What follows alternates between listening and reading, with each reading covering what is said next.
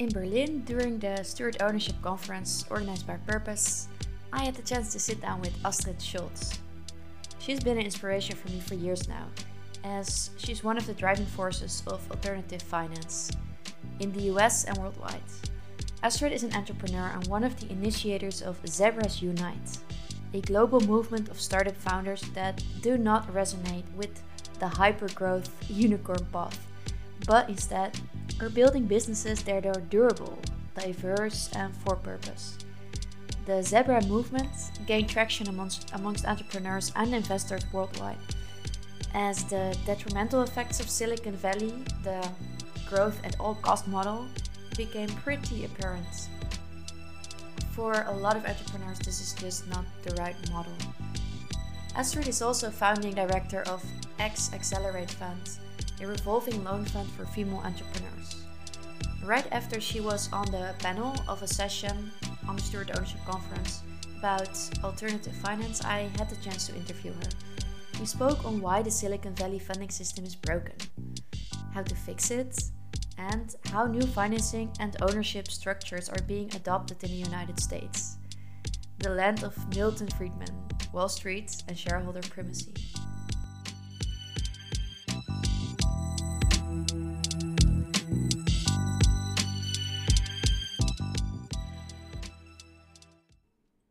I'm sitting here today next to Astrid Scholz.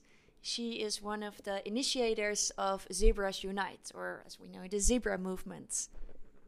Hi, it's good to be with you. Can you tell me a bit more about? Um, we we all know unicorns. Um, what is a zebra? Well, a zebra is a real animal, for starters, um, and we have adopted it as the mascot for our international movement of founders and investors who are building the businesses that are better for the world. And we chose the zebra because it's black and white, profit and purpose. Uh, they're very collaborative animals and they're feisty. They have, um, you know, we think of zebra companies as companies that are solving interesting and relevant and timely problems in their communities or in the world. Uh, they typically treat their communities as such, not as users that they churn.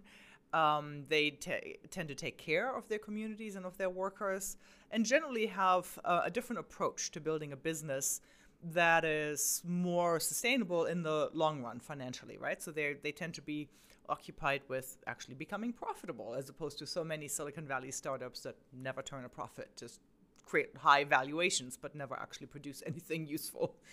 So yeah, that's that's sort of the, the origins of um, of the zebras. And this animal uh, was born out of, of your experience, you and your, your co founders, your co initiators, um, out of a certain uh, experience in the startup ecosystem in the US. Yeah, that's right. So, all four of us um, are women tech founders who uh, were building pretty ambitious companies and didn't get anywhere with venture capital. And we decided very quickly that it's not us, it's them. if you know anything about VC in the States, um, you know, a tiny fraction, less than 2%, goes to women founders. Uh, it's even worse if you're a woman of color, like our friend Aniyia Williams, who's one of the co founders. And so we said there's something very, very broken with the startup system and its uh, and the funding that's available for startups and so we set out to uh, transform it and create create an alternative. It was very much based on our personal experience, and uh, Mara Zepeda and Jen Brandel had written a piece, um, uh, "Sex and Startups" in 2016.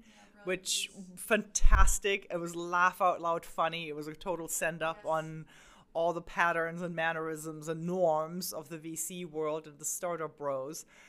And Aniyia and I read it uh, independently. We didn't know each other at that time and so we all were introduced to each other through mutual acquaintances. And very quickly, in response to that piece, people were saying, well, what's the alternative? If it's not VC, if it's not unicorns, what's the alternative? And so the four of us sat down to basically, in the fall of 2016, winter of uh, 17, to write the alternative like and that manifesto basically we basically wrote it for ourselves like we wrote about the companies that we were building and called it uh, Zebras Fix What Unicorns Break. And then tens of thousands of people responded saying, I am a zebra. I want to invest in zebras. Where do I find more? It's so lonely in Silicon Valley. And that was sort of the beginnings of what's now a movement, a global movement.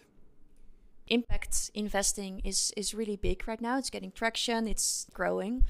Um, but it's a legitimate question. Does it make sense if we, you know, uh, are trying to do impact investing, but if we're not looking uh, at the underlying structures of the companies we are investing in? Well, that's a setup of an easy question. No, it does not make sense, Nina. Funny you should ask, obviously. Um, no, I mean, what we find is that a lot of impact investors don't think rigorously about what it means to be an impact investor. They sort of want to have their cake and eat it too, right? They want to make impact, positive impact in the world with their investments and get venture style returns. And that's sort of a, a contradiction in terms. Like a lot of, a lot of, um, companies uh, that are solving really s- difficult social and economic problems are not going to blitz scale like a unicorn, right? Like they're if you're solving if you're solving for last mile healthcare delivery in sub-Saharan Africa, you're not going to have Uber style growth rates or in in, in, in, in you're not going to build a moat and, and all the things that Silicon Valley companies do. So there is this cognitive dissonance among impact investors, and one of the things that um, we want them to do more is well two things. Look at like really con- reconsider their investment priorities and really think about what their impact return and financial return and risk profile is. It's really the trifecta right? It's not the risk return profile it's the risk and impact and return profile. And then match those expectations to appropriate structures that they invest through right? Like if you're trying to make deep impact you should probably uh, consider grants or low interest loans to enterprises that deliver those impacts and that are likely to be growing more slowly. So that's in that's a, just a general observation about quote unquote impact investors, right? And then in general, we need more capital that is suited to these novel structures that entrepreneurs are creating because they're driven by purpose, because they align with zebra principles, and who just frankly don't want to build unicorns, so they should not be accepting unicorn style capital. Right. And if we look at steward ownership, um, this is a, a, new way or a different way of, structuring the ownership of a company. And well, you have experience in the startup world where it's usually if you fund a startup, um, you become a part owner, uh, sometimes even majority owner, um, which uh, that that's the regular VC route, right? So so you um, have an idea, you pitch it, you raise money, um, and you dilute, uh, dilute. And um, for some founders, uh, this is really all they they get to hear in business schools or you know in incubators. Um, what is what is faulty at that narrative? Do you think, um, which which prompted you to to say, hey, let's let's redesign this? Well, I think one of the things that's faulty. I mean, is it faulty thinking? Is it just legacy thinking? Right? I mean, it's um, there's this. Serving? Yeah, I mean, the so it's actually helpful to think back to the early days of venture capital.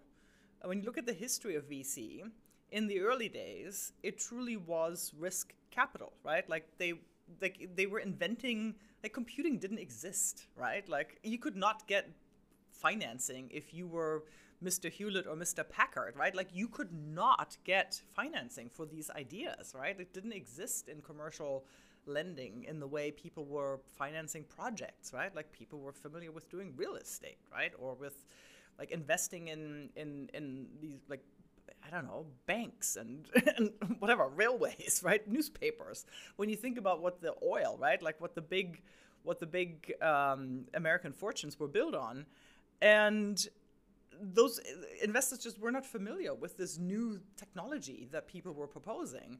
And so, in the early days, the early ad, like, venture capitalists called themselves adventure capitalists. Like they were really taking these total risks because these were new industries, and and it was truly risk capital. And uh, early on, like some they is sort of the American way to say, oh well, if I'm if I'm giving you something, you must give me something in return. And the only thing that an early stage uh, founder had to give was an ownership share, right? That's that's sort of an attitude. It's almost cultural, right? And so that's I think where we made the connection between, uh, you know, risk capital and uh, and and this demand for ownership in the new company. what's been happening since then is when you look at VC today, they're very they're no category innovators. Like there's a lot of just repeat ideas. And so where's the risk? Right? Like if I told you today that I'm building a ride sharing company, there's like 20 gazillion ride sharing companies, right? It's, where's the risk other than the execution risk? But it's not like the same kind of category risk. Anyway, I digress. So I think that that's the faulty thinking. Like what's really risky? Um, and and why is you financing something new immediately tied to ownership, right? Like you right. could, I mean, when you when when you um, yeah i mean there's other ways that you can derive a benefit right without ownership you could just get paid back right without having an ownership share anyway so that's that's i think where where people went wrong in in sort of connecting funding and risk and ownership in in here we're in europe um, we have a, a, tradition we call it the rhine Rijnlandse traditie. Uh, there, it's called after the river, the Rhine River. Oh, you're you're. I'm from Cologne. You're from Cologne. Okay, so I don't have to tell you. Um, because your your English is so good, I, I forget that you're German, of course. um, so uh, the Rijnlandse traditie. Um, so uh, here in Europe, we tend to uh, involve stakeholders a bit more in, in businesses and corporations, and and we pride ourselves uh, in doing that. Um, and in the States and the Anglo-Saxon world, uh, shareholders tends to be uh, like share- shareholder primacy uh, has has its roots there. You know, mm-hmm. Milton Friedman. Um, so, does it make the job more difficult, uh, or is it because the differences are greater? Maybe it's easier for people to to tell why zebra companies or steward ownership are like interesting ideas. Um, I'm not sure if it's harder in the states. You're right. I mean, there are um, culturally there is a more fertile ground, I think, in Europe. I mean, I and, and we were just surprised how how much the concept resonated in Europe and Asia and Africa, where they actually have zebras. You know, like literally have the animal. Um, but it's been I mean, the, what's been connecting for people is um, in the States, I think it's more generational, right? Like we see um, millennials and Gen Z moving away from ownership of everything, right? From uh, ownership of houses or ownership of cars or whatever. And so this shifting attitude towards ownership is an interesting one, right? Like on the one hand, like not needing to own physical assets, but owning your creative assets, right? I think that's been a generational shift in a really interesting way and so so so we're tapping into some of that like people understand that if they're creating value they should have participation in it um, and then there are also some very old traditions of mutual aid societies uh, and cooperatives, for example, that, that are actually deeply rooted in, in both indigenous societies in North America and uh, in, in the black community, for example. And so it's almost like you're, on the one hand, you're working with the youth or the younger generations, and on the other hand, you're tapping into some really old traditions that then converge around, like, oh, and we don't like status quo because it's been terrible to indigenous people and to the black population, for example. And it's also not very advantageous to the young generation who can't afford anything anymore. Uh, and uh, the combination all of a sudden makes creates a different kind of fertile ground in the U.S to say, oh, let's interrogate our assumptions about entrepreneurship and who owns what in when you're building a company. Yeah, so the idea of stewardship mm-hmm. is also something that is present in uh, in a lot of indigenous uh, communities, like uh, the seventh generation principle. yeah, and generally the idea that we're interdependent, right? Or the generally the idea that you're building wealth not just for yourself but for your community. Um, I mean that that resonates with a, a lot of folks these days.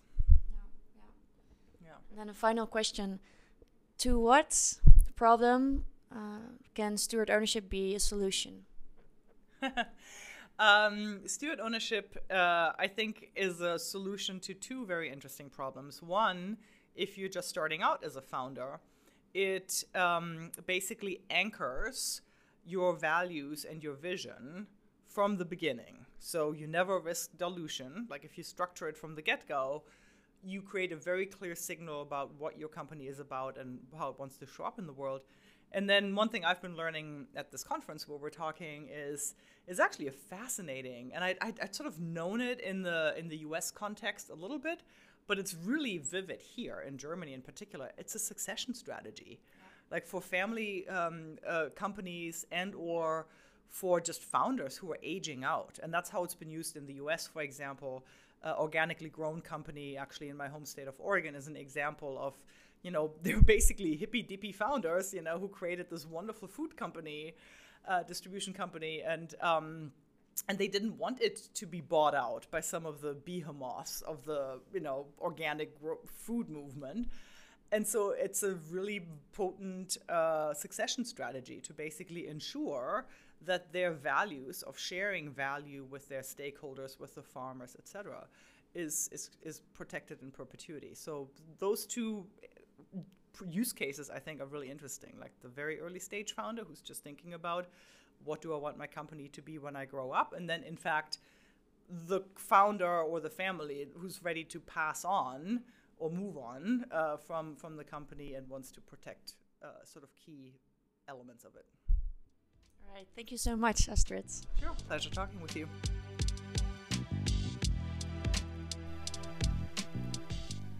Well, it's true.